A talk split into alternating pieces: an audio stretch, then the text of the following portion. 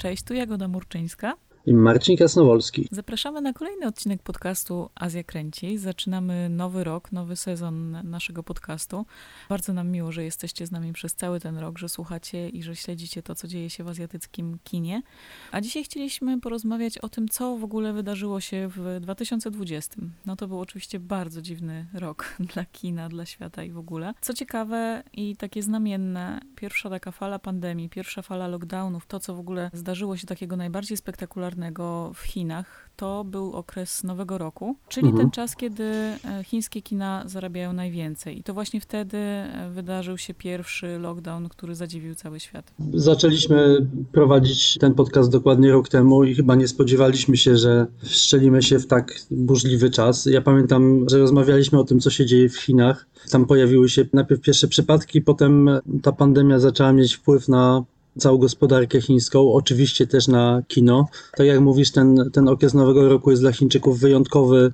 Po pierwsze są bardzo duże migracje ludzi, a po drugie no jest to czas, kiedy Chińczycy najchętniej chodzą do kina. Wtedy mają premiery te największe filmy, które są typowane na największe w ogóle przeboje komercyjne. I to jest w ogóle okres, kiedy no, na, całym świecie nie ma równie lukratywnego czasu w ogóle w, w kinach. I wtedy się okazało, że, że tego nie ma, że filmy zostały wycofane i całe Chiny wchodzą w lockdown.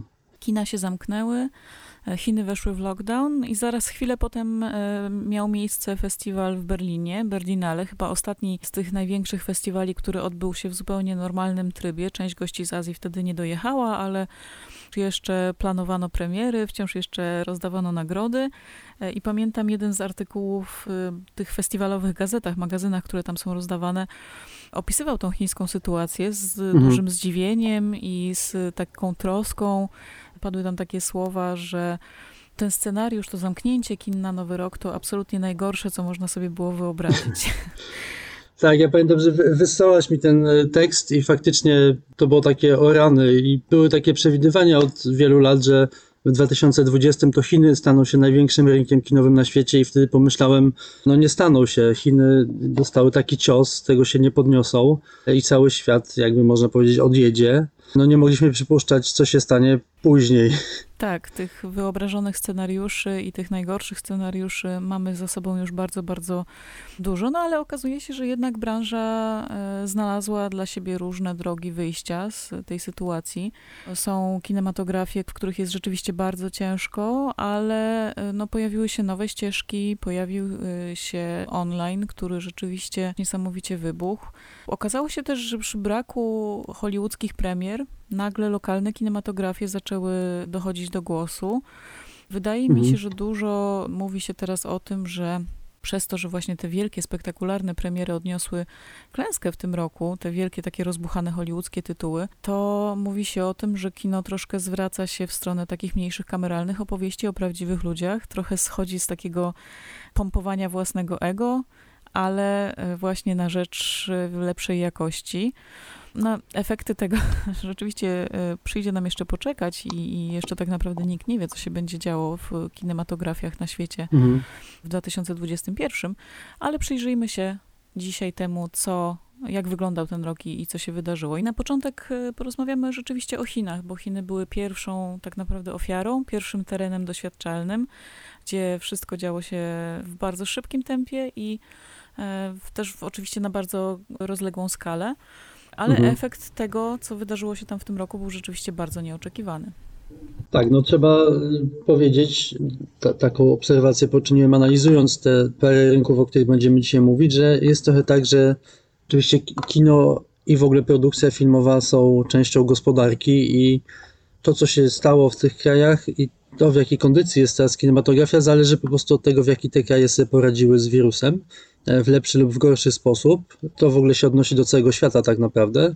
Faktycznie no, ten model chiński z perspektywy czasu widzimy, że był oczywiście drakoński pod tym względem, że Chińczycy nie mogli wychodzić z domów przez jakiś czas. No, pamiętam, oglądaliśmy te pierwsze obrazki z, z Wuhan, gdzie ulice były po prostu puste, ludzie czasami byli nawet gdzieś tam zamykani w domach, nie mogli z nich e, wychodzić. Ta gospodarka była bardzo głęboko zamknięta. Nam się to wydawało jakimś w ogóle science fiction, ale no to był taki głęboki lockdown, ale tak naprawdę stosunkowo krótki i przyniósł skutek taki, że po prostu Chiny obecnie są praktycznie wolne od wirusa, więc faktycznie na ten nowy rok kina były zamknięte, dystrybutorzy wycofali te największe hity. Ich premiery przeniosły się na później, część w ogóle jeszcze nie miała premier, ale za to no, po pewnym czasie Chińczycy mogli otworzyć swoje kina. One obecnie pracują na bodajże 75% widowni i no, ten box office chiński wrócił do tak naprawdę do, do, do stanu sprzed y, pandemii. Nawet nie tylko wrócił, ale spełniło się wielkie marzenie Chin, o którym mówiliśmy dokładnie rok Mhm. temu. To znaczy stało się li- liderem na rynku światowym, przegoniło mm, Hollywood, jeśli chodzi o box office. E, No i w tej pierwszej pięćdziesiątce tytułów, które zarobiły najwięcej na całym świecie w tym roku, tych chińskich e, produkcji jest po prostu cała masa. W pierwszej dziesiątce jest ich też e, bardzo dużo, co jeszcze nigdy na świecie się nie wydarzyło. No oczywiście są to produkcje, to są chińskie blockbustery, więc to dosyć specyficzny, specyficzna forma filmowa, ale to przełamanie e, jest znaczące i też na pewno będzie miało jakieś dalekosiężne skutki. To nie jest tak, że to wydarzyło się raz w tych specyficznych warunkach i już sobie zniknie, tylko rzeczywiście ta dominacja Chin daje wszystkim do myślenia.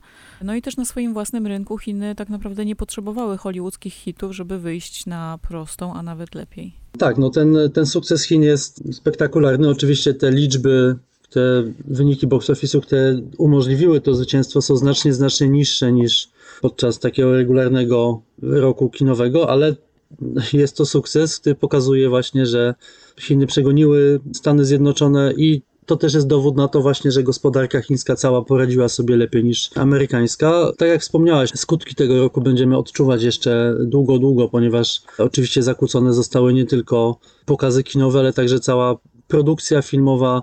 Zostały zakłócone, no ten, ten cykl festiwalowy, wielu dystrybutorów nie zdecydowało się na to, żeby pokazać swoje filmy, żeby je wysłać na przykład na festiwale, żeby je pokazać online, więc y, wydaje mi się, że no, ciężko oczywiście powiedzieć, ale 4-5 lat pewnie zanim cała sytuacja wróci do tego cyklu, do którego byliśmy przyzwyczajeni, więc myślę, że te box office'y będą, ten cykl festiwalowy będzie mocno, mocno zakłócony, i począwszy od, y, od tego roku. Tak, oczywiście no, produkcja nie stanęła. Produkcja bardzo była mocno zablokowana przez pierwszą połowę roku. E, Trochę się odbiła w wakacje, chociaż też nie we wszystkich krajach. Natomiast mówi się, e, tak, e, tak twierdzą osoby, które reprezentują branżę na rozmaitych marketach czy takich branżowych spotkaniach. Mówi się o tym, że faktycznie producenci, żeby nie tracić czasu i nie tracić pieniędzy, no bo to też oczywiście każdy przestój w, w planowanych premierach to są ogromne straty finansowe, ale właśnie też przerzucili się na te bardziej kameralne produkcje, gdzie łatwiej jest manewrować e, planem filmowym, gdzie Mhm. można jakoś osoby przekierowywać tak, żeby rzeczywiście ograniczać liczbę tych osób. No już naprawdę nie robi się w tej chwili filmów, gdzie mamy tutaj tysiące statystów. Tak, no powiemy o tym, jak to wpłynęło na, na rynek, na którym tysiące statystów są jakby podstawą w ogóle, czyli o rynku bollywoodzkim. Tam to, co się stało, jest wielkim dramatem oczywiście. E, Ale tak, tak, tak. masz rację, no teraz in, zupełnie inaczej się myśli o, y, o realizacji filmu.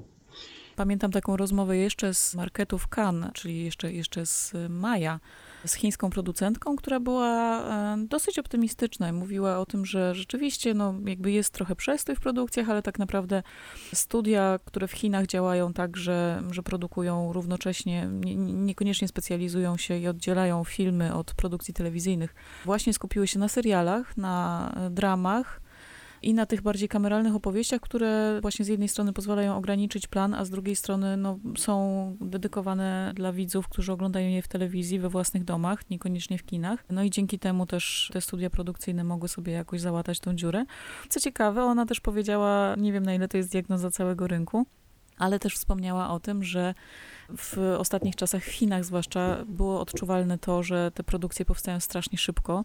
To są gigantyczne filmy, które tak naprawdę są realizowane w bardzo szybkim czasie i trochę nie starcza czasu na przemyślenie ich. Bardziej ładuje się właśnie pieniądze, żeby to było spektakularne, wielkie, fantastyczne.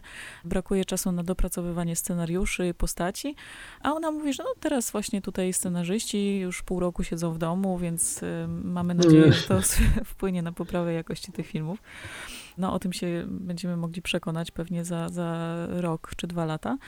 No ale tak, ale, ale był to rzeczywiście specyficzny rok. Natomiast i tak naprawdę we wszystkich krajach. Nie mamy danych jeszcze szczegółowych takich e, bardzo, bo też producenci trochę trzymają to w tajemnicy, jak dokładnie wygląda status finansowy tych największych studiów e, w Japonii, w Chinach, e, w przeróżnych mniejszych krajach, ale wydaje się, że ta produkcja powoli sobie wraca i, i szuka jakiegoś sposobu, żeby właśnie dalej e, realizować produkcję. No i pojawił się też taki nowy, specyficzny gatunek, jak filmy reżyserowane zdalnie. Pojawiło się masę krótkich metraży, które opisywały sytuację e, ludzi w zamknięciu. Myślę, że, że pojawią się takie całe sekcje w tym roku na festiwalach filmowych, bo rzeczywiście w pewnym momencie było widać, że już tam pomijając te kalkulacje, pomijając te budżety, pomijając te produkcje wielkie, no to sami twórcy po prostu mają potrzebę opowiadania o tym, co się dzieje. Nawet Mm. jeżeli to nie są jakieś podsumowania, na które jest jeszcze zdecydowanie za wcześnie, czy jakieś diagnozy społeczne, jak, jak ten lockdown wpłynął na, na społeczeństwo, to te małe, anegdotyczne często historie zaczęły się pojawiać. My publikowaliśmy je zresztą na stronie festiwalu przez, przez jakiś czas, ale rzeczywiście było czuć taką potrzebę opowiadania o tych emocjach, o tym życiu w zamknięciu i okazywało się nagle, że no właśnie, w windzie w Malezji tak samo trzeba używać rękawiczek, żeby dotykać guzików e, windy E, i pojawiła się tu jakaś taka wspólnota przeżycia, przeżyć, która, która dotyczyła tak naprawdę i widzów, i twórców na całym świecie. To, to ciekawe zjawisko i też czekam trochę na, na jakiś taki pełniejszy przegląd, no bo to trafiało w, w sieć, które te filmy stawały się Mhm. niektóre gdzieś tam były publikowane w jakichś malutkich, niszowych kręgach. Pewnie któryś festiwal się właśnie pokusił o ja- jakieś takie małe, małe przeglądziki, ale powstawało tych produkcji całkiem sporo, więc widać było, że ten duch y, kina wcale nie umiera i, i sobie trwa. Natomiast czego nie było? Nie było festiwali.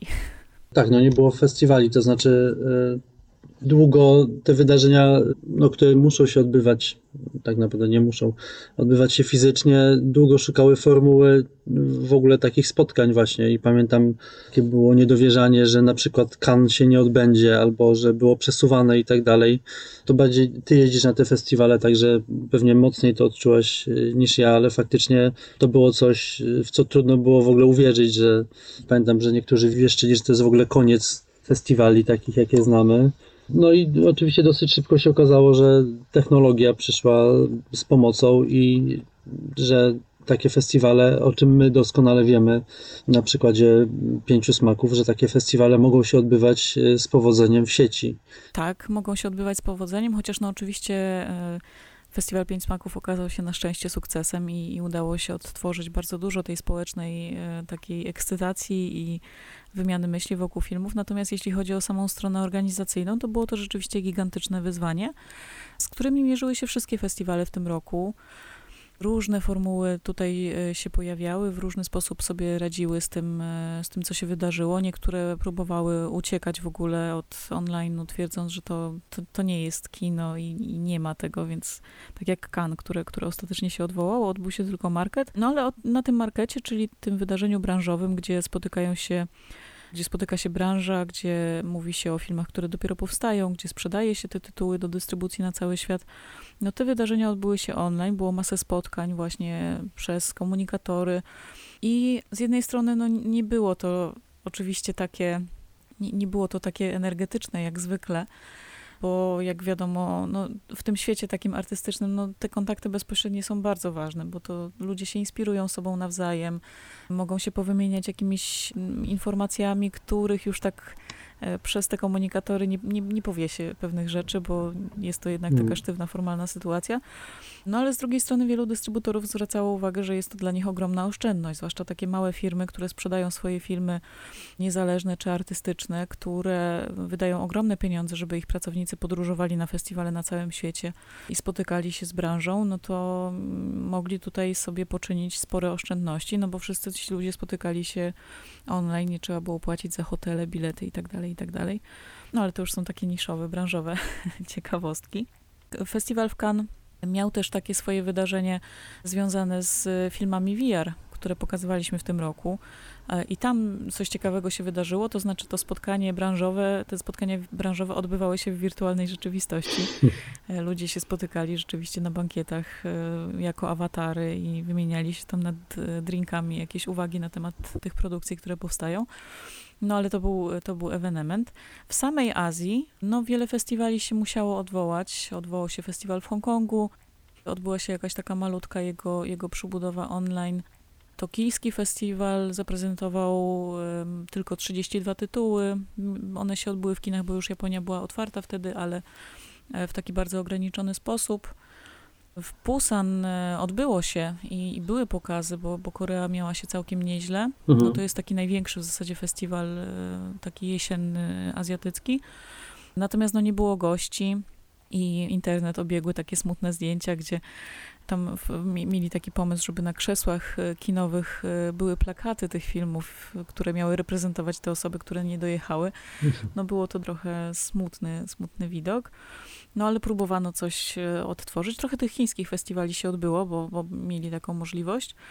Ciekawym przypadkiem był festiwal Golden Horse. To jeden z najważniejszych festiwali też świata chińskojęzycznego, który się odbywa na Tajwanie. No i ponieważ tam sytuacja jest w zasadzie mm, całkowicie opanowana, festiwal się odbył absolutnie normalnie. I mamy przyjemność też porozmawiać z naszą zagraniczną specjalną korespondentką Mają Korbecką, która miała przyjemność brać udział w y, tym festiwalu.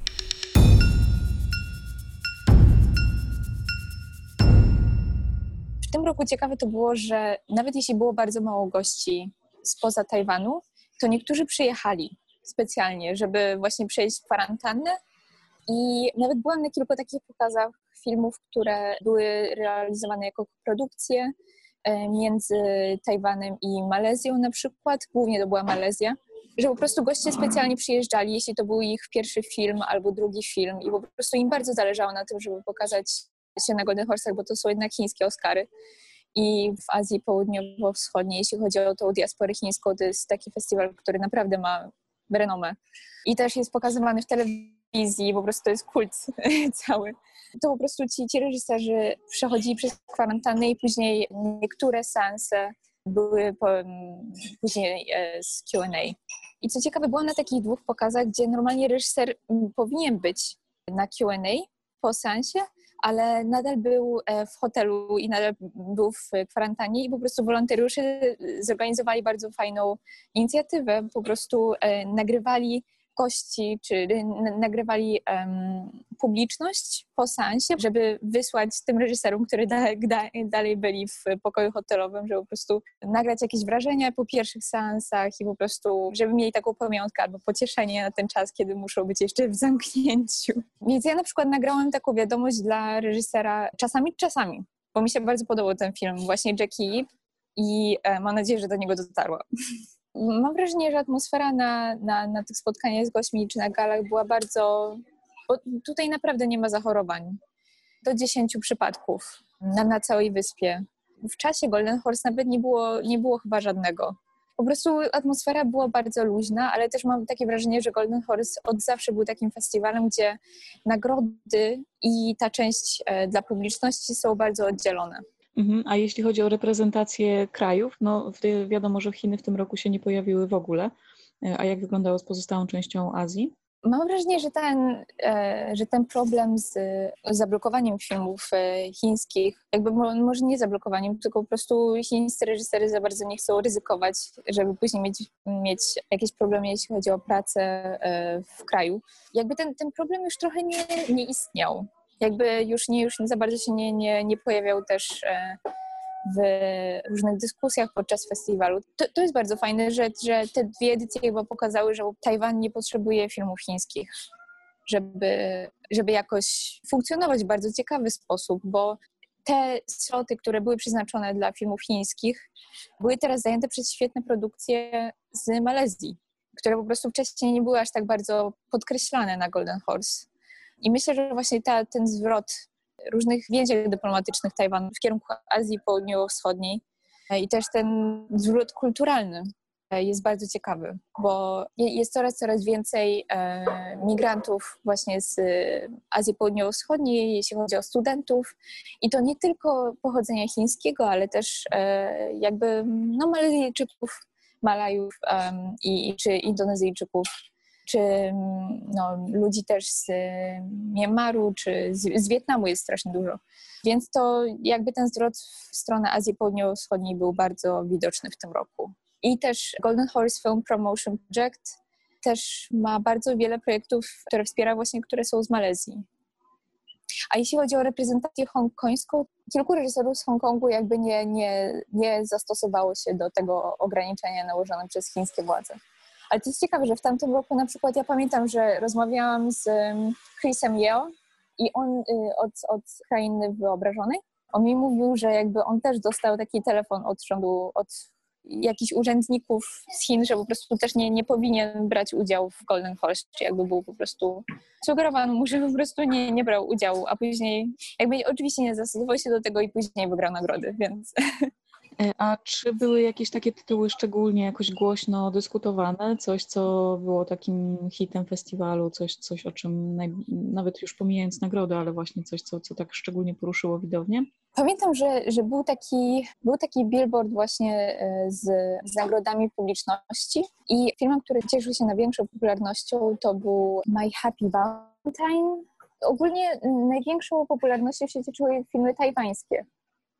E, lokalne produkcje.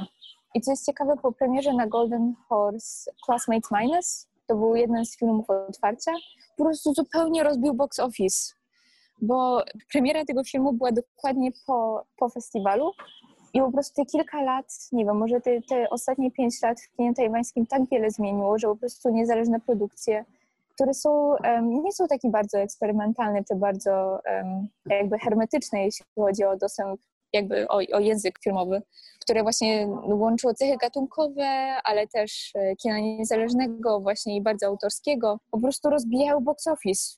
Naprawdę jakby jest bardzo duże wsparcie wśród lokalnej publiczności dla kina tajwańskiego, co jakby wcześniej nie miało zupełnie miejsca, ponieważ no, na te filmy krajowe po prostu publiczność nie chodziła, bo była uprzedzona bardzo do tego, że o, są za bardzo eksperymentalne albo jakby no i był, był taki um, jakby zła fama pod znakiem Cemil Lianga trochę.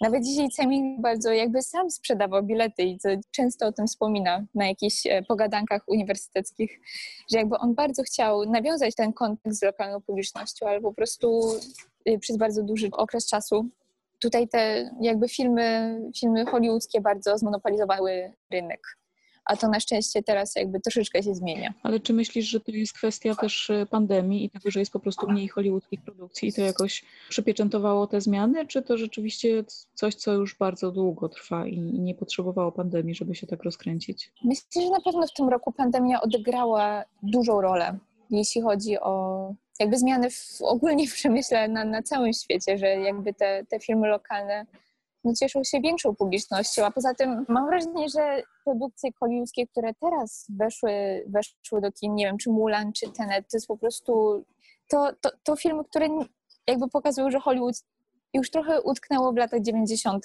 i jakby nie widzi dokładnie, co się dzieje w globalnym przemyśle filmowym. Może za kilka lat te mniejsze właśnie e, przemysły filmowe publiczność dojdzie do wniosku też, że po prostu no, nie potrzebują filmów hollywoodzkich. Albo nie wiem, może potrzebują, po prostu to, to się trochę zdecentralizuje. mam, mam taką nadzieję. Ale jeśli chodzi o tę popularność filmów lokalnych, to już od kilku lat tak jest. Bo pamiętam, że na przykład Wielki Buddha Plus, mhm. E, Great Buddha Plus, czy Xie Guanyin, to jest um, angielski tytuł, to było The Good, The Bad and The Beautiful mhm. no bardzo dużo zarobiły w lokalnym box office. I tak samo nawet, nie wiem, animacja, e, którą, którą Pięć Smaków pokazywał w 2018 właśnie na, na ulicy Szczęśliwej też bardzo, bardzo dużo cieszyła się popularnością. Kiedy ja byłam tutaj na pokazie tego filmu, to po prostu pełna sala i to było, nie wiem, może miesiąc po premierze. Po prostu ciągle wykupowane seanse. I myślę, że to bardzo się liczy zaangażowanie lokalnych e, reżyserów, ponieważ tutaj po większości seansów jest spotkanie z e, reżyserem czy z ekipą filmową. Więc po prostu im bardzo zależy na tym, żeby spotykać się z publicznością i mieć jakąś no, wymianę myśli. Okazało się, że ten duch festiwalowy jakoś tam trwa, ludzie bardzo czekają. No, festiwale w tej chwili jeszcze ciągle nie, nie mają możliwości się odbyć, ale pewnie wrócą mm, za jakiś czas do swojego zwykłego rytmu, chociaż y, no, propozycje festiwali online też są kuszące i, i to dotarcie do, do całego świata jest, jest czymś bardzo obiecującym. Dokładnie, więc pewnie czeka nas model e, festiwali hybrydowych. Jeszcze nikt dokładnie nie wie, jak, jak to będzie działać, jak to będzie wyglądać, ale zakładam, że część festiwalu będzie się odbywała fizycznie, a część festiwalu się będzie odbywała online i to jest ta innowacja, którą wyniesiemy z tej pandemii. Trudno mi jest uwierzyć, że wrócimy e, w 100% do analogowych spotkań i myślę, że myślenie w ogóle o festiwalach już się zmieni na zawsze, co niekoniecznie jest złe oczywiście. Może zróbmy przegląd e, tych różnych krajów, największych e, rynków azjatyckich. E, zaczęliśmy już mówić o Chinach, ale e, nie dokończyliśmy, więc chyba warto e, opowiedzieć o filmach, które tam się widzom najbardziej spodobały. Jak wspomniałaś, to właśnie chińskie filmy były najlepiej zarabiającymi w ogóle filmami w zeszłym roku. W co było trudno wierzyć, że tak będzie, ponieważ ten pierwszy kwartał ubiegłego roku był o 97% gorszy niż pierwszy kwartał roku 2019, czyli ten spadek był strasznie głęboki i wydawało się, że dla Chin w ogóle cały, cały rok będzie stracony. Jak wspomnieliśmy, Chiny weszły w bardzo głęboki lockdown, ale potem z niego wyszły i gospodarka chińska mogła działać już bez większych zakłóceń. Kina początkowo widzowie mogli, zdaje się, chodzić, wypełniać salę w 30%, a następnie w 75%. I z tego co czytałem, w Chinach do kin chodzą głównie młodzi ludzie, więc nie musieli się tak bardzo obawiać tego, że zostaną na przykład zarażeni. Są oni też bardzo jakby przekonani e, o tym, że te procedury protokoły bezpieczeństwa, jakie zostały zaproponowane przez państwo i przez sieci kinowe, że one są bezpieczne, więc po prostu w Chinach ludzie przestali się bać chodzić do kina i zaczęli do, nie, do nich chodzić. No i y, część właśnie tych filmów, które były przeznaczone na, na chiński Nowy Rok, one pojawiły się w Chinach trochę później, e, no ale też ważną datą w ogóle dla Chińczyków jest oczywiście 1 października, to jest święto narodowe i na ten dzień przygotowywane są filmy, po pierwsze też takie z potencjałem blockbusterów, ale filmy, które mają bardzo mocny profil patriotyczny, nacjonalistyczny i mają wzbudzać dumę narodową. I w tym roku wygląda na to, że takie filmy właśnie zostały pokazane i zostały przyjęte z, z, duży, z dużą radością i dużym entuzjazmem widzów. No tak, na, na miejscu pierwszym mamy oczywiście 800, 800 który miał swoje burzliwe losy. Omówiliśmy o tym dokładnie rok temu właśnie w podcaście o mhm. Chinach, bo to film, który został był planowany właśnie na to święto i został w ostatniej chwili wycofany. Przemontowany i, e, i poprawiony. E, no, chodziło tam o, to jest film historyczny, chodziło tam o, o pewne niuanse związane z prezentowaniem symboli, które historycznie powinny się były pojawić w tych momentach zwycięstwa i triumfu. Teraz kojarzone są z Kuomintangiem, czyli z rządem Tajwanu, E, i musiały zostać usunięte, żeby nikomu się nie kojarzyło, że ta niewłaściwa strona zwyciężyła w tym e, filmie.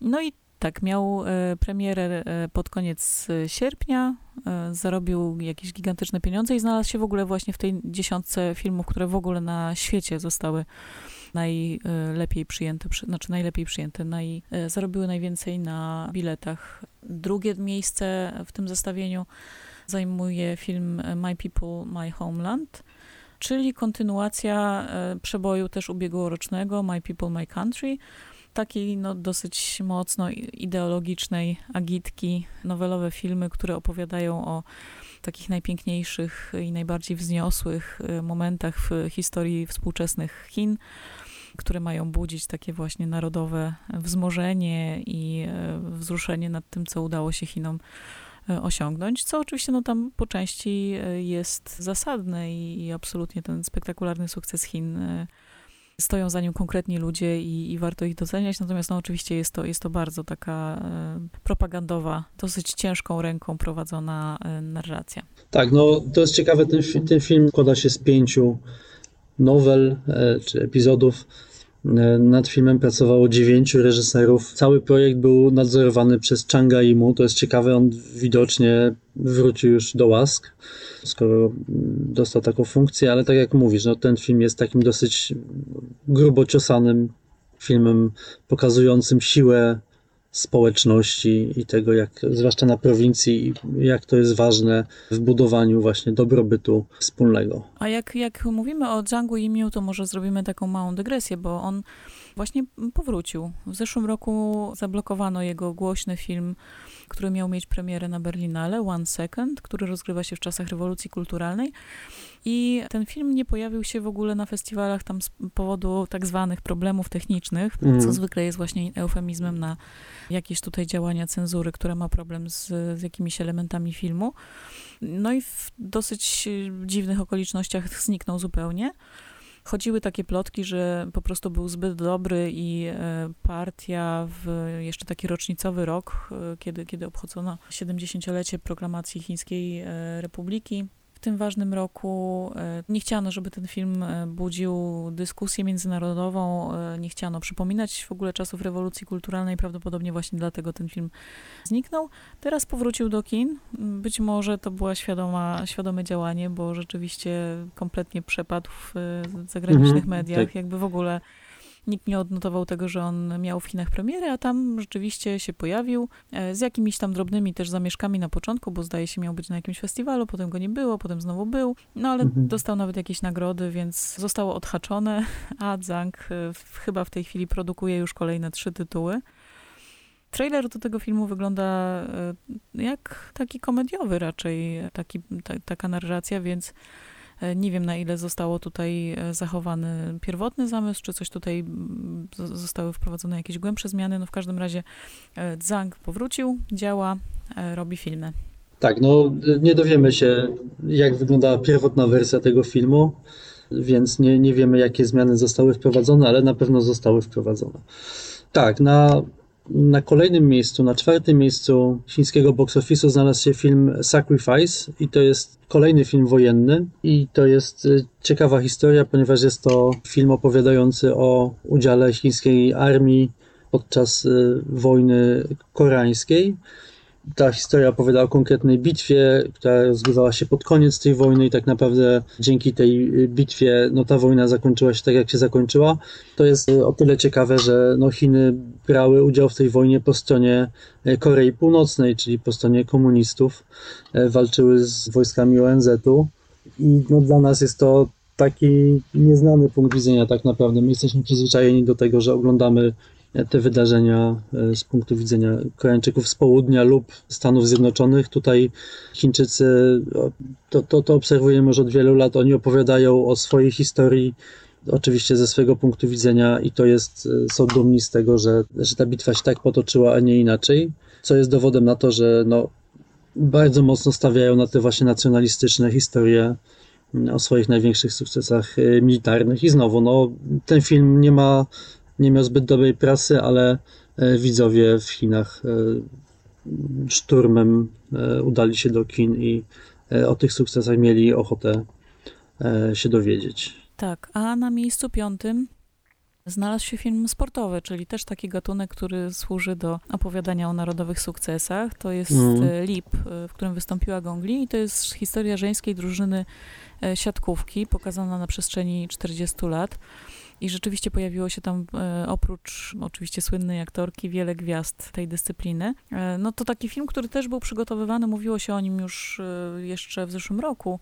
Oczywiście też trochę przygotowywany pod kątem Igrzysk Olimpijskich w Tokio, które się nie odbyły. Ale to jest ciekawe, że tych filmów sportowych w ogóle w Azji powstało w tym roku bardzo dużo, troszkę właśnie niesionych falą tego zainteresowania sportem i, i mhm. tokijską olimpiadą, ale też okazuje się, że ten gatunek zyskał jakieś, e, jakieś ciekawe życie w azjatyckich kinematografiach i ja zwykle omijam takie filmy, nie jest to coś, co mnie do końca interesuje, a okazuje się, że tutaj też można znaleźć różne ciekawe treści, niekoniecznie związane właśnie bezpośrednio ze sportem, ale z przeróżnymi społecznymi sytuacjami. Myślę, że to jest jakiś taki kierunek, któremu warto się przyglądać. Jak wspomniałaś, no jest to film, znaczy kino sportowe jest, y, jest kinem, które pomaga opowiadać o sukcesach krajów. Lip jest akurat chińskim kandydatem do Oscara i no ja tych filmów sportowych sporo ich widać w Azji. Pamiętamy znakomity Dangal na przykład y, indyjski, który też pokazywał wielkie sukcesy tego kraju w, w, zapasach, ale też na przykład Rosja ostatnio produkuje bardzo dużo filmów sportowych pokazujących największe sukcesy Związku Radzieckiego. Także no jest, to, jest to faktycznie gatunek, który pozwala wrócić do przeszłości i, i podbudować morale trochę narodu, pokazać, że tak, no byliśmy najlepsi. W, akurat w filmie Lip wystąpiło dużo dziewczyn siatkarek, które były złotymi medalistkami z olimpiady w Rio więc no jest to na pewno dla, dla Chińczyków jest to dodatkowa motywacja, żeby pójść e, do kina i te sukcesy Chinek e, na przestrzeni ostatnich 40 lat sobie e, przypomnieć. Jeśli chodzi o Chiny, to też co, co ciekawe, tam rzeczywiście na początku lockdownu streaming i telewizja internetowa była mocnym takim sprzymierzeńcem ludzi siedzących w domu. Mhm. Część tych filmów noworocznych zresztą przeniosła się, miała swoje premiery w internecie. Natomiast już kiedy kina się otwarły, wygląda na to, że jednak widzowie woleli wrócić do kin. Ten e, sukces streamingu nie jest spektakularny, chociaż rzeczywiście jest widoczny, ale Chiny też te streamingi miały mocne od, od zawsze, tam troszeczkę też mhm. inne w, obowiązują wymogi, jeśli chodzi o ilość na przykład zagranicznych tytułów niż w kinach więc tam się pojawia więcej europejskich i, i hollywoodzkich filmów. Więc ten streaming też się rządzi, te platformy VOD też się rządzą troszeczkę swoimi prawami innymi niż rynek kinowy. No i oczywiście chińskie dramy, które są niezmiennie popularne, zwłaszcza te historyczne, też mają swoje, ale to jest temat na zupełnie inny odcinek. Także Chiny na razie wracają do Chin. Te wyniki z grudnia i teraz ze stycznia są już takie bardzo optymistyczne. Rzeczywiście tych filmów mhm. pojawiło się dużo. Teraz tuż na, na początku stycznia pojawił się przebój kinowy, taki też właśnie to ciekawe, bo w zeszłym roku wszystkie te tytuły, które zdobyły pierwsze miejsca w box office, to były właśnie takie dosyć rozbuchane produkcje, a tutaj e, mamy do czynienia z czymś, o czym właśnie mówiłam, czyli dosyć e, taki kameralny dramat opowiadający o chłopcu chorym na raka, który hmm. no, zmaga się, jakby nastolatku, który zmaga się z taką, z taką perspektywą wejścia w dorosłość. E, z tą swoją chorobą, nie wie, czy ta dorosłość rzeczywiście na niego czeka, czy choroba go pokona. No, co jest istotne, tutaj w główną rolę wcielił się wokalista TF Boys, czyli tego największego chińskiego e, boys bandu. To są jakby liczby ich fanów, to jest coś, co, co przekracza nasze wyobrażenia chłopcy, którzy zaczynali jako rzeczywiście mali chłopcy i tacy, tak słodka trójka, która śpiewała o swoich tam pierwszych miłościach i o tym, że dobrze być e, grzecznym dzieckiem e, i e, służyć swojemu krajowi, bo oczywiście takie treści w tych boysbandach chińskich muszą się pojawiać. No ale kiedy na przykład oni już teraz dorastają, więc mają trochę inne problemy i trochę inaczej funkcjonują, więc kiedy jeden z tych wokalistów został przyłapany z papierosem, to e, hashtag, że ten właśnie chłopiec pali papierosa, miał w sieci ponad 2 miliardy wyświetleń. Miliardy, czyli całe Chiny i jeszcze spory kawałek Azji e, dzieliło się tą mm. informacją, że młody człowiek zapalił papierosa. No więc tak, film z udziałem wokalisty tego boys bandu jest w zasadzie skazany na sukces, ale to jest ciekawe, że nie jest to właśnie jakaś taka bardzo produkcja fantazy, tylko, tylko rzeczywiście taki dosyć obyczajowy, mm, ciekawy dramat. Tak, no zamykając temat Chin, nie możemy jeszcze nie wspomnieć o tym, że spektakularne sukcesy filmów chińskich w tym box oznaczają jednocześnie spektakularną klęskę filmów hollywoodzkich. Mhm. Ich nie pojawiło się tak dużo oczywiście w Chinach, ponieważ e, studia hollywoodzkie zdecydowały się nie wprowadzać wielu największych e, premier. Czekamy cały czas na nowego Bonda i tak dalej, i tak dalej. Natomiast było parę premier dużych filmów, takich puszczonych, próbę. Był to na przykład Tenet oczywiście, który nie sprzedał się nigdzie tak dobrze, jak miał się sprzedać, ale poświęciliśmy cały odcinek podcastu filmowi Mulan. Mulan miała być właśnie wielkim hitem w Chinach. Okazało się, że nie była i okazało się, że chińscy widzowie bardzo grymasili na, na powiedzmy nieudaną chińskość filmu i po prostu na niego nie poszli do kina. Co jest ciekawe i pokazuje, że Hollywood stoi przed nowymi wyzwaniami, że Chińczycy czują się coraz mocniej, że tak powiem, patriotycznie, więc y, no, ten rynek będzie dla, dla Hollywoodu znowu stanie się dużym y, problemem. Ale to jest, to jest y, ciekawe, że Chiny, można powiedzieć, poradziły sobie dobrze bez Hollywoodu, a Hollywood nie stawia tak mocno na Chiny, i zdecydował, że część tych blockbusterów, że lepiej jest opóźnić premiery niż je wpuścić na przykład tylko do, do kin chińskich. Zdecydowanie tak, zwłaszcza, że Tenet jakoś w ogóle nawet się nie starał o tego chińskiego widza, tam jakoś mhm. bohaterowie przemierzają przeróżne regiony, ale w ogóle do tej dalszej. Azji, tak. najdalej się wypuszczają do Indii i to już w zasadzie ma wystarczyć. A chińscy widzowie lubią, żeby o nich zadbać, żeby pojawiali się e, Azjaci w obsadzie, E, no jest to już takie trochę, taki trochę elementarz e, produkowania blockbusterów w tej chwili. No ale tak. Przejdźmy może do Japonii, bo Japonia była tym krajem, który też e, ma swoją reprezentację w pierwszej dziesiątce filmów najchętniej oglądanych na świecie w tym roku. I Co się rzadko to, zdarza. I to się rzadko zdarza i w dodatku jest to animacja. Demon Slayer The Movie, bardzo spektakularny sukces filmu, który pojawił się w drugiej połowie roku i e, wszystkie światowe media filmowe musiały nagle się nauczyć w ogóle o co chodzi z tym anime i to, to nawet mnie bawiło, bo rzeczywiście e, te chińskie i japońskie nazwiska nagle zaczęły się pojawiać e, w, w tych wszystkich mediach raportujących sukcesy kinematografii. W Japonii kina były zamknięte dość krótko, bo niecałe dwa miesiące na przełomie kwietnia i maja. Od września już funkcjonowały częściowo bez limitów widowni. Bardzo ciekawy zabieg tam został zrealizowany który mi się spodobał. To znaczy ograniczenia ilości widzów obowiązywały tylko w wielkich multiplexach, czyli tam zdaje się to było określone jako kina, w których jest, sprzedaje się też jedzenie, czy tam jakieś przekąski. E, natomiast kina arthouse'owe mogły funkcjonować w pełnym wymiarze miejsc. Z założenia są to miejsca, gdzie jest mniej widowni, więc e, rząd przyjął takie rozwiązanie, żeby pomóc trochę tym małym e, arthouse'owym kinom, co, co jest jakoś bardzo sympatycznym gestem ale no, widzowie bardzo powoli wracali do kin. Lato jest takim e, okresem, gdzie w Japonii chodzi się do kina i to lato było takim okresem jednak zastoju. Natomiast e, jesienią pojawił się Demon Slayer, e, który był, no to oczywiście to też był film taki skazany na sukces trochę, bo była to ekranizacja bardzo popularnej mangi i bardzo popularnego serialu anime. Manga sprzedała się w 100-milionowych nakładach, więc rzeczywiście to był taki tytuł, który budził gorące emocje ale dodatkowo jego premiera została podbudowana takim przekazem, że jakby pójście na ten film jest też sposobem na ratowanie kina, wsparciem artystów, którzy pracowali nad tą animacją, wsparciem całej branży.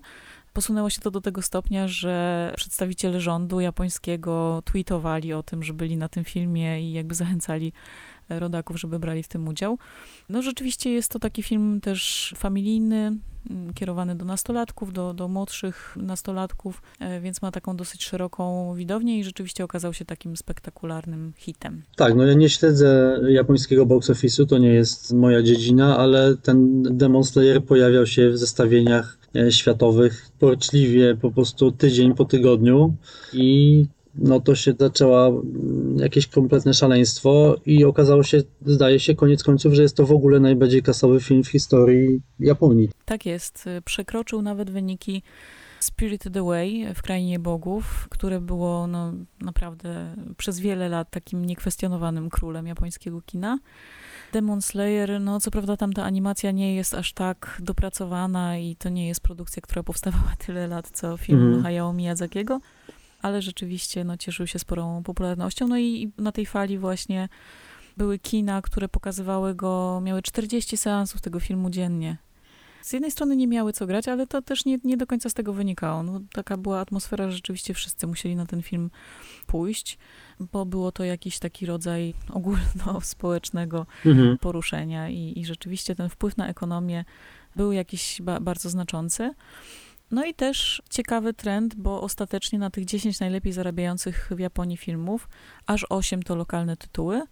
Na tych dwóch pozostałych miejscach znalazł się Tenet, ale też Parasite, który wszedł w Japonii trochę później niż w większości krajów i oczywiście Japończycy niechętnie chodzą Mhm. do kina na koreańskie filmy, to jest od lat trwający tutaj taka, taka animozja między tymi dwoma krajami i rzeczywiście, mimo tego, że w ostatnich latach K-dramy i K-pop też podbijają Japonię bezwarunkowo, to te filmy zawsze mają troszeczkę trudniej, a mimo to ten Parasite bardzo dobrze w Japonii wypadł i, i znalazł się w tej najlepszej dziesiątce. Oczywiście jest tam w tej dziesiątce też sporo animacji, jak zwykle w Japonii. Kontynuacja tak, takich rzeczy jak e, kontynuacja całej serii filmów o Doremonie, czyli tym niebieskim kocie, robocie, które no tutaj nie jest kompletnie znana, ale dla całej Azji to jest taka bajka, na której się wychowały wszystkie dzieci i co roku pełnometrażowy film z Doremonem jest w tej dziesiątce, więc to taka tradycja.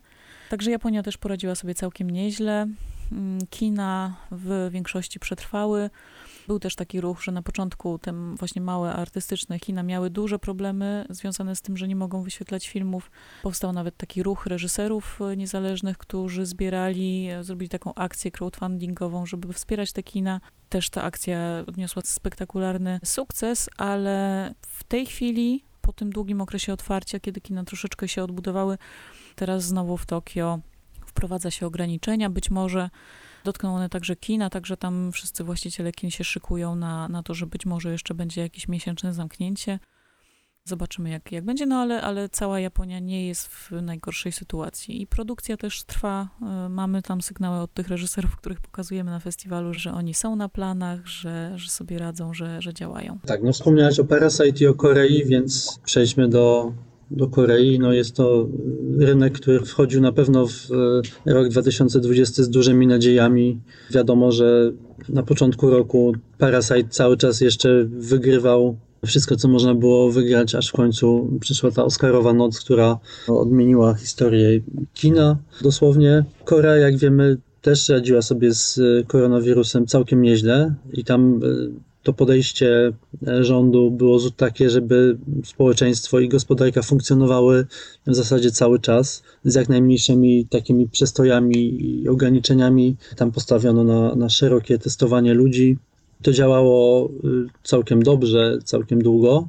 Kina w ogóle nie były zamknięte, ale można powiedzieć, że frekwencja bardzo reagowała na to, co się dzieje. Jeżeli tych przypadków było więcej, to od razu frekwencja bardzo mocno spadała. Także przez, przez długie tygodnie box office wyglądały tak, że tam po prostu parę tysięcy ludzi chodziło dziennie do kina, oglądając głównie powtórki filmów sprzed lat, dosłownie nawet sprzed dekad, więc e, faktycznie wszystko tam zostało wywrócone na, na głowie. Koniec końców w zeszłym roku sprzedało się w Korei 60 milionów biletów, co jest e, no, słabym wynikiem przy zazwyczaj ten box office to jest mniej więcej 220 milionów, więc te spadki tam ponad 60%. E, To jest e, bardzo dużo. Ale no, były takie momenty, kiedy wydawało się, że, że wszystko wróci do normy. Wydaje mi się, że to właśnie Korea pierwsza zdecydowała się w- ogóle w pewnym momencie wpuścić duży film do kin, żeby pokazać, że już wszystko wraca do normy. Było to w lecie. Tym e, blockbusterem była Peninsula, film, który pokazywaliśmy na, na naszej Nocy Grozy, jeszcze też w kinach. Jest to oczywiście no, film, który był skazany na sukces, ponieważ jest to, jest to kontynuacja Train to Busan i e, no, jest to film, który faktycznie sprzedał się w Korei całkiem nieźle. Zobaczyło go prawie 4 miliony widzów, plus został on e, pokazany także właśnie w krajach azjatyckich, na mniejszych rynkach, gdzie też odniósł duży sukces. W Hongkongu, bodajże na Tajwanie, o którym wspomniałaś, tam kina były otwarte i były spragnione właśnie dużych tytułów. Sytuacja niestety pogorszyła się dosyć szybko, to znaczy kolejna fala koronawirusa w, w Korei była znacznie, no ta sytuacja się pogorszyła i znowu ludzie przestali chodzić do kin, a te duże tytuły, które w międzyczasie się pojawiły, one bardzo szybko wytraciły widzów. Warto wspomnieć na przykład o takim filmie jak Alive, dlatego że on był typowany na, na duży e, hit. No jest to film o, kolejny film o pandemii zombie, ale jest to film o, o młodym e, chłopaku, który, którego ta pandemia zombie czy epidemia zombie e, dopada w jego mieszkaniu On jest zamknięty, tam ma jakieś resztki jedzenia i w zasadzie obserwuje przez okno i przez balkon to, co się dzieje e, u niego na osiedlu. Ludzi, którzy są gryzieni, zamieniają się w zombie. I przyznam, że oglądanie tego filmu z domu w, w zamknięciu było dosyć dyskomfortowe. To znaczy, to jest całkiem niezły film, ale, ale no, psychicznie po prostu on dorzucał jakąś taką, no wiadomo, niefajną refleksję. Więc Alive, on zdaje się, Alive jest dostępny na Netflixie, ja go polecam, ale takim właśnie zastrzeżeniem, że y, ostrożnie, może nie, nie w zimie. No tak. E, no takim tytułem głośnym z Korei był też jeszcze styczniowa premiera The Man Standing Next. E, to bardzo polityczny dramat rozgrywający się w latach 70., opowiadający o takim środowisku, o otoczeniu prezydenta Parka. Bardzo, bardzo koreański temat, ale on doczekał się swojej dystrybucji w Stanach Zjednoczonych i też dzięki temu stał się jednym z, no, znalazł się w tej 50 najlepiej zarabiających filmów na, na świecie, gdzieś tam wzbudził jakąś dyskusję i jakie, jakieś echo. No ale oczywiście 2020 to gigantyczny sukces y, właśnie seriali koreańskich i tych y, produkcji kierowanych bezpośrednio na platformy streamingowe. To jest taka fala, która rzeczywiście przetacza się przez wszystkie kraje świata. Koreańskie dramy ogląda się w Stanach Zjednoczonych, w Europie, w Indiach, w Chinach nie wolno, ale, ale w Hongkongu, jak się wejdzie na strony jakichś magazynów w tej chwili poświęcone filmom, no to one w zasadzie całe składają się z tam pojedynczych recenzji lokalnych tytułów, a oprócz tego, na co czekamy w 2021 w K-dramach, co się produkuje, mhm. co się robi. Jest to, jest to absolutny boom. W tej chwili Netflix y, zdaje się zainwestował bardzo mocno w produkcje lokalne. Tak, tak. E, wybudował w Korei wielkie studia, także tam ta produkcja będzie i, i, tych seriali koreańskich będzie powstawać jeszcze, jeszcze więcej i one będą dostępne na całym świecie, więc to jest absolutnie temat na, na fali wznoszącej. A propos Netflixa, warto zauważyć, że Koreańczycy dosyć szybko zdecydowali właśnie, że parę dużych filmów, które miały pokazać się w kinach, że nie będą z nimi czekać na lepsze czasy, tylko właśnie, że wpuszczą w Netflixa. Wspominaliśmy w jednym z e, koreańskich odcinków e, podcastu o filmie Time to Hunt. On jest cały czas e, dostępny na Netflixie. Kolejną taką dużą premierą był film The Call. Jest to, no, nie chcę powiedzieć typowy, no jest to film, film grozy. Takich filmów się produkuje w, w Korei całkiem sporo. Jest to film, który rozgrywa się na dwóch płaszczyznach czasowych, co jest akurat charakterystyczne dla, dla filmów koreańskich. No i też on y, pojawił się, pewnego dnia pojawił się na całym świecie, na Netflixie i tam się świetnie sprzedał, więc producenci, dystrybutorzy zdecydowali, że tak będzie lepiej. No i też y, czekamy, za parę tygodni pojawi się na Netflixie wielki, wielki film Space Sweepers. Y, jest to pierwszy koreański blockbuster science fiction też miał być wielkim filmem w kinach. To jest ciekawe, że, że taki film pojawi się na Netflixie.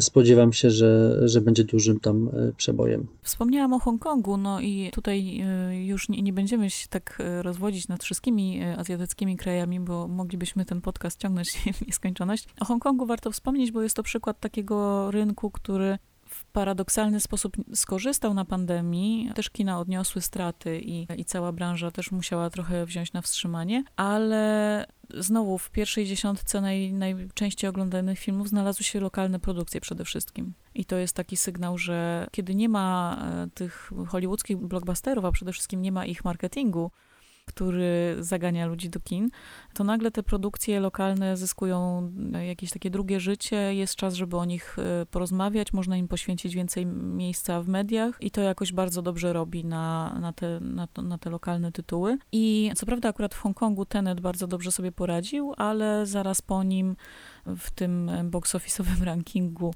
pojawiły się dwie komedie e, noworoczne. No to są specyficzne dosyć pro, produkcje operujące bardzo specyficznym poczuciem humoru, ale tam także znalazły swoją widownię. Ale pojawiło się też takich kilka mniejszych produkcji, takich dramatów, które operują lokalnym kolorytem hongkońskim.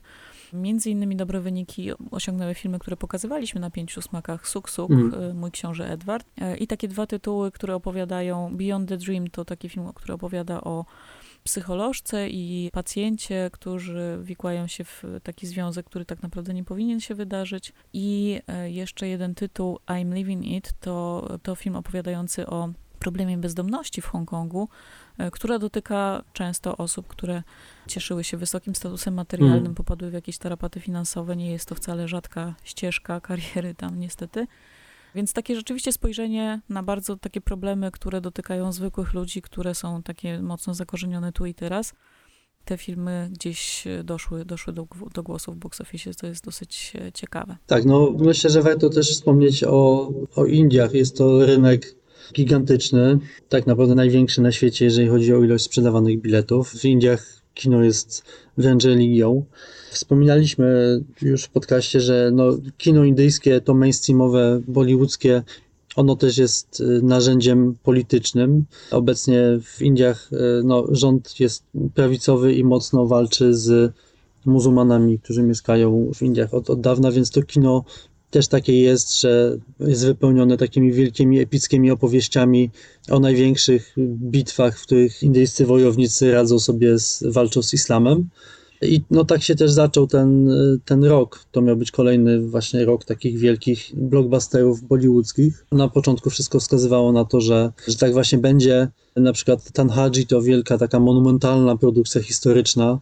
To jest zabawne, że, że w Indiach chyba cały czas y, reżyserzy bardzo oglądają film 300 Zakaz Snydera, ponieważ na takie sceny, w których jest dużo zwolnień i ktoś leci w dół do jakiegoś dołu, to jest charakterystyczne. Y, No, Także początek roku przyniósł jeszcze dużo sukcesów, a potem, jak wiemy, y, Indie kompletnie sobie z koronawirusem nie poradziły. Podobnie jak większość krajów, w których rządzą no, prawicowi populiści.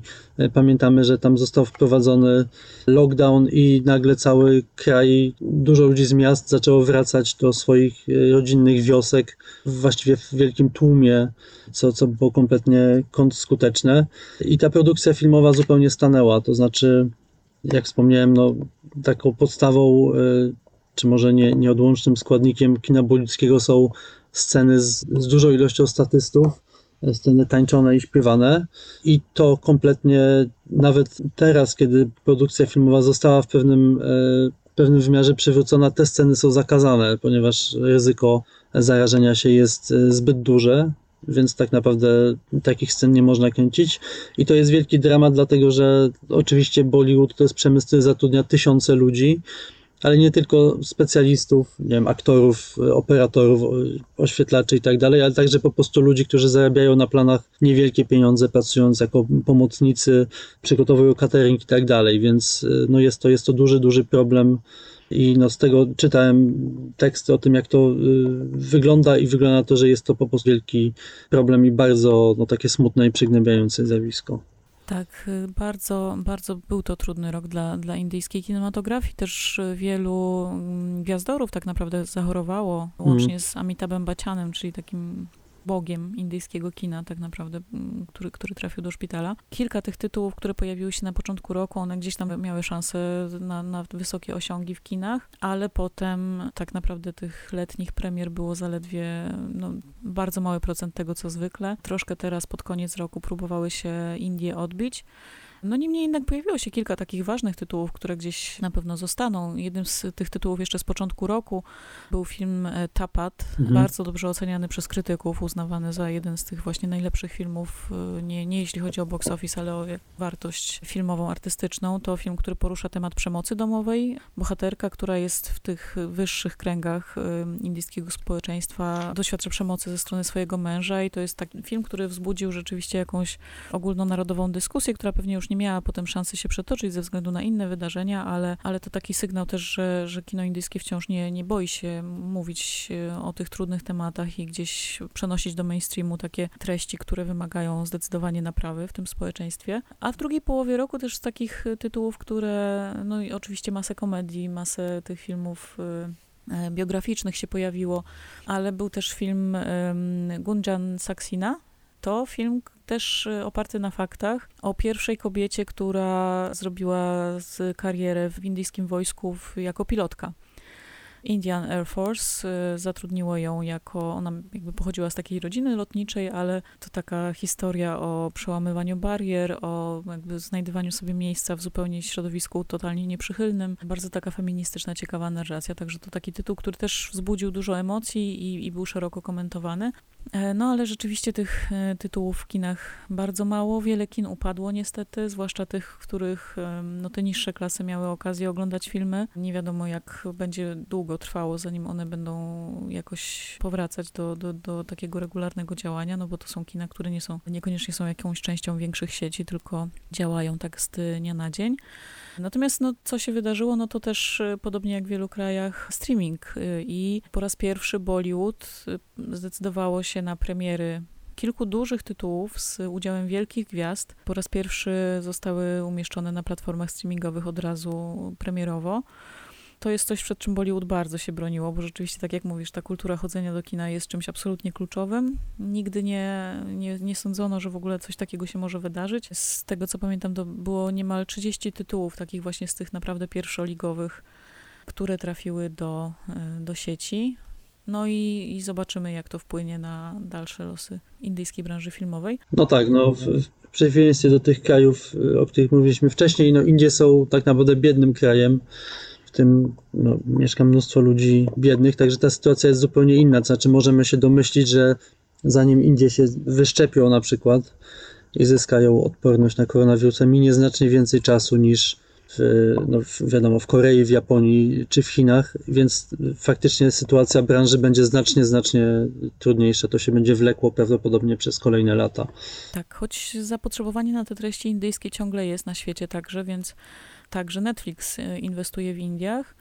I co ciekawe, chwali się taką informacją, że raz, że bardzo dużo zainwestował w tym roku także w te produkcje indyjskie, ale też, że bardzo dużo z tych filmów, które produkowane są w Indiach, to powstaje z ręki reżyserek i producentek. Netflix oczywiście bardzo dba o taki parytet, chociaż nie narzuca tego z góry, ale znowu jest to taka sytuacja, w której trochę przełamuje e, te hierarchie, które były taką osią, zwłaszcza właśnie bollywoodzkiego kina, które jest też specyficzne, bo tam są całe klany, tak naprawdę te, to filmowe dziedzictwo przechodzi z rąk do rąk w kolejnych pokoleniach, całe klany aktorskie, całe klany reżyserskie. E, bardzo ciężko jest e, osobom spoza tych kręgów wbić się w ogóle i zacząć coś mhm. stworzyć. No i tutaj zewnętrzna ingerencja, no to są zawsze kontrowersyjne sprawy, tak, bo, bo z jednej strony wkracza tutaj zachodnia sieć i zaczyna wprowadzać jakieś swoje reguły, no ale z drugiej strony trochę rozpuszcza coś, co, co jest prawdopodobnie szkodliwe i jakieś takie struktury, które zbyt usztywnione też y, szkodzą wielu, wielu osobom, więc to też jest jakiś taki czas jakiegoś przeszeregowania, przetasowania szeregów. Zobaczymy, jakie będą tego skutki. Pierwsze skutki chyba widzimy, bo y, kandydatem w tym roku do Oscara indyjskim został film Jallikattu, który pokazywaliśmy na pięciu smakach i to jest niesamowicie odważny gest, bo hmm. przy wszystkich e, takich e, właśnie hollywoodzkich, spektakularnych, melodramatycznych produkcjach indyjskich Jallikattu jest bardzo nietypową fabułą, w bardzo dziwny sposób nakręconą, bardzo efektowną i dźwiękowo i wizualnie. Zupełnie nie jest to film taki typowo oscarowy, więc też i pochodzi nie z Bollywoodu, ale właśnie z południa Indii, więc to też jest taki sygnał, że te lokalne kinematografie też mogą trochę zyskać dla siebie oddechu w czasie, kiedy Bollywood zbiera siły i, i, zastanawia się, co ze sobą zrobić dalej. No tak, no i Jalika tu też, co jest istotne, nie pokazuje Hindusów w pozytywnym świetle, to znaczy przynajmniej tej społeczności męskiej oczywiście, bo to o nich jest e, ten film. Tak, no rzeczywiście bardzo ciekawy i odważny gest, ja trzymam kciuki, bo Żalikatu to jest mój faworyt absolutny. Zobaczymy, co, co tutaj dalej się wydarzy. A na koniec porozmawiajmy może o tych sukcesach, bo rzeczywiście no, było bardzo dużo trudnych momentów. Ten naprawdę przemysł filmowy będzie jeszcze długo lizał rany po tym roku, ale dla azjatyckiego kina tak naprawdę ten rok był bardzo dobrym rokiem, jeśli chodzi o dotarcie do zachodnich mediów, do zachodnich jurorów. Mhm i e, tutaj wydarzyło się wiele pozytywnych rzeczy. E, oczywiście trudnym newsem e, i takim, który rzeczywiście obiegł cały świat, była informacja o śmierci Kim Ki-duka, twórcy, który z uzasadnionych powodów budzi kontrowersje, ale był przez wiele lat takim koniem pociągowym e, Korei, jeśli chodzi mm. o tą recepcję na zagranicznych festiwalach filmowych, ale e, to nie jedyne nazwisko, które pojawiało się w nagłówkach. No tak, no przede wszystkim oczywiście wielki sukces e, Parasite. Bong Joon-ho i Song Kang-ho chyba są to nazwiska, które teraz już znają wszyscy. No ten cały trwający ponad rok rajd Parasite'a od, od Złotej Palmy, znaczy nawet było o nim głośno już wcześniej, ale od Złotej Palmy do, do tej nocy Oscarowej było to coś absolutnie niesamowitego. i no, wygrana najważniejszych Oscarów. E, tak jak wspomniałem już, no, to jest pisanie historii e, kina na nowo i wyda, wydaje się rzeczywiście, że kino koreańskie jakoś, które oczywiście już od dwóch dekad jest bardzo silne, ale nagle okazało się, że wszyscy o nim mówią i że ono zaistniało w, w takim no, w globalnej świadomości jako coś, co warto śledzić i warto oglądać. I myślę, że od tego czasu Koreańczykom będzie zdecydowanie łatwiej. Tak, pamiętam, pamiętam e, właśnie z anegdotek e, z marketów i z takich spotkań branżowych. Jedna z koreańskich dystrybutorek opowiadała, że, że właśnie przez całe kan przychodzili do niej różni dystrybutorzy z całego świata, siadali i pytali, czy masz dla nas następnego Parasite'a? I rzeczywiście te stoiska koreańskie były, e, spotkania z koreańskimi dystrybutorami były bardzo oblegane na, na tych marketach. Tak trochę niestety myślą dystrybutorzy właśnie, że będą szukać kolejnego Parasite'a, co się nie zdarzy i to może być bolesne. Na przykład e, wspomniałaś o filmie The Man Standing Next i to jest kolejny koreański kandydat do Oscara za rok 2020. Jest to film, który nie ma absolutnie szansy na nację, bo to jest bardzo koreańska polityczna historia i ja się nawet dziwię, że Koreańczycy ten film wystawili. To nie jest kolejny Parasite, ale e, idąc jakby tym tokiem rozumowania, warto wspomnieć e, o tym, że film, o którym być może się w Polsce zapomniało, czyli Bajecznie Bogaci e, Azjaci, to jest film, który dla odmiany w Hollywoodzie cały czas jest bardzo mocno pamiętany i jest filmem, który zmienił zupełnie też sposób myślenia o przedstawianiu Amerykanów azjatyckiego pochodzenia. Producenci hollywoodzcy wiedzą, że jest to społeczność, która potrafi, która czeka na kolejne filmy o sobie, i w tym roku mieliśmy film Minari. E, jest to film o, o, o, rodzinie koreańskiej, która przybywa do, do Stanów na prowincję i tam szuka swojego amerykańskiego snu. I jest to film, ja go nie widziałem, on ma nie tylko znakomite recenzje, ale także wielu właśnie Koreańczyków, którzy mieszkają w Stanach Zjednoczonych, piszą, że to jest dokładnie film, który opowiada o ich historii i będzie to film, o którym usłyszymy jeszcze wielokrotnie podczas nagród Złotych Globów i Oscarów. On jest typowany na, do wielu nominacji. E, to, co ciekawe, też e, było głośno o sytuacji, w tej Minari nie zdobyło nominacji bodajże do głównej kategorii do Złotych Globów, ponieważ cały film jest mówiony po koreańsku, więc stwierdzono, że to nie jest film amerykański, mimo że cała ekipa, producenci, cała e, obsada i tak dalej, to są Amerykanie. Więc doszło tutaj do jakiejś takiej dziwnej sytuacji, która myślę, że od tego czasu regulamin Złotych Globów zostanie po prostu zmieniony, no bo jest to sytuacja niedopuszczalna, ale tak jak e, mówię, myślę, że o Minari usłyszymy jeszcze nieraz i mam nadzieję też, że wreszcie będziemy mieli okazję ten film zobaczyć u nas. No i jeśli mowa o bajecznie bogatych Azjatach, to jest też nowy serial Netflixa Blink Empire, który opowiada właśnie o spektakularnie bogatych Azjatach. No to już są naprawdę dziwne rejony popkultury. Karadashianki spotykają po prostu e, chińskie pieniądze. E, aż się boję zapędzać w te rejony, ale to wciąż nie są jedyne sukcesy e, azjatyckiego kina i, i tej recepcji właśnie zagranicznej, bo mieliśmy dużo nagród w ogóle dla azjatyckich filmów na festiwalach, które się odbyły. Hong Sang-soo zdobył e, Srebrnego Niedźwiedzia na Berlinale, a w ogóle film irański zdobył główną nagrodę. E, w Rotterdamie z kolei wygrał chiński film e, The Cloud in Her Room. Bestie na krawędzi, które pokazywaliśmy na pięciu smakach, wyjechały z Rotterdamu ze nagrodą specjalną jury. No to były takie bardzo ważne gesty, które no niestety to było zaraz przed wybuchem pandemii, więc one jakoś tam pewnie nie wybrzmiały na tyle, na ile powinny, ale branża i środowisko krytyczne zdecydowanie odnotowało te tytuły. No tak, na koniec warto też wspomnieć o filmie Nomadland, który jest typowany na jeden z najważniejszych filmów właśnie nadchodzącego sezonu. Jest to historia amerykańska, ponieważ opowiada o, o ludziach, którzy, no, których nie stać na własne domy, tylko no, oni mieszkają w, w kamperach i jeżdżą za pracą. Jest to film, który jest ekranizacją głośnej książki bardzo dobrze zresztą udokumentowanej. Reżyserką Nomadland jest Chloe Zhao.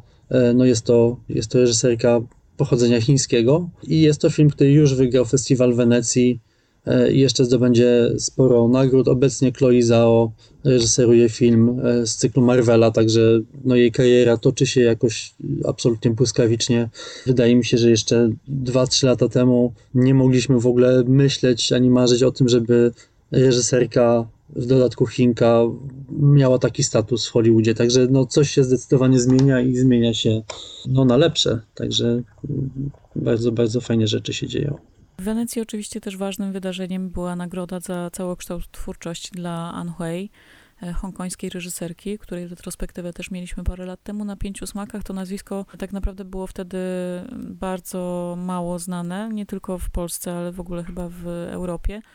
W tym roku też, no ni niestety, ta nagroda nie wzbudziła pewnie aż takiego e, oddźwięku, jak mogłaby, bo, bo jednak e, festiwal w Wenecji też był mm, dosyć e, ograniczony dla gości i, i tych relacji nie było aż tak wiele. Natomiast absolutnie jest to znamienna sytuacja, że, że nie dość, że kobieta reżyserka, to jeszcze właśnie z Hongkongu. An Hui to jest absolutnie legenda w, w swoim kraju i, i Złoty Lew absolutnie zasłużony. No w Wenecji też oczywiście Kiyoshi Kurosawa i Żona Szpiega, Srebrny Lew za reżyserię. To też jest ciekawy tytuł, bo on w Japonii bardzo kiepsko wypadł w box office. Mm.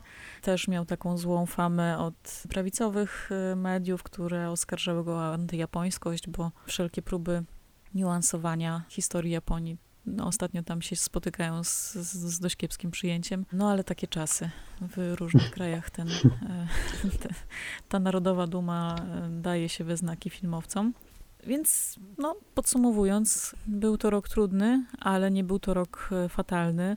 Jest dużo sygnałów o tym e, świadczących, że e, był to absolutnie przewrót. Były to trudne momenty, ale które rzucają też nowe światło na pewne tematy, które pozwalają branży trochę przeszeregować się właśnie, przemyśleć na nowo, wypaść z jakichś kolejn, w które kino wpadło w ostatnich latach. Myślę, że to też taki czas będzie do namysłu dla, dla wszystkich, chociaż to są takie czasem tanie, tanie grepsy, że tutaj proszę, będziemy wy, wyciągać naukę z tej katastrofy, która mhm. nas dotknęła, no ale tak naprawdę czasem jest, że, że potrzeba było tego oddechu, potrzeba było zatrzymania pewnych mechanizmów, które już wymykały się spod kontroli i e, może przyniesie to jakieś też zmiany na dobre. No tak, czarna zaraza swego czasu przyniosła rozwój druku, więc jestem pewien, że, że ta pandemia też pewne procesy przyspieszy i kino się zmieni na zawsze. Tak jak wspomniałeś, był to rok trudny, ale no, my nagraliśmy najdłuższy chyba odcinek podcastu rok ten e, omawiając,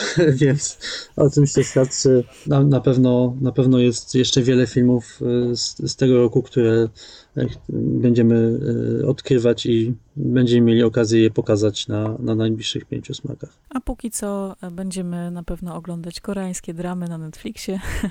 E, oczekując na powrót wielkich festiwali filmowych. Zapraszamy do e, kolejnych odcinków naszego podcastu. Będziemy już niebawem rozmawiać o tym, co czeka nas e, w ramach pięciosmakowego lunarnego Nowego Roku. Będziemy świętować lunarny Nowy Rok i walentynki. Porozmawiamy o tych filmach w kolejnym odcinku. Do usłyszenia. Dziękujemy. Do usłyszenia.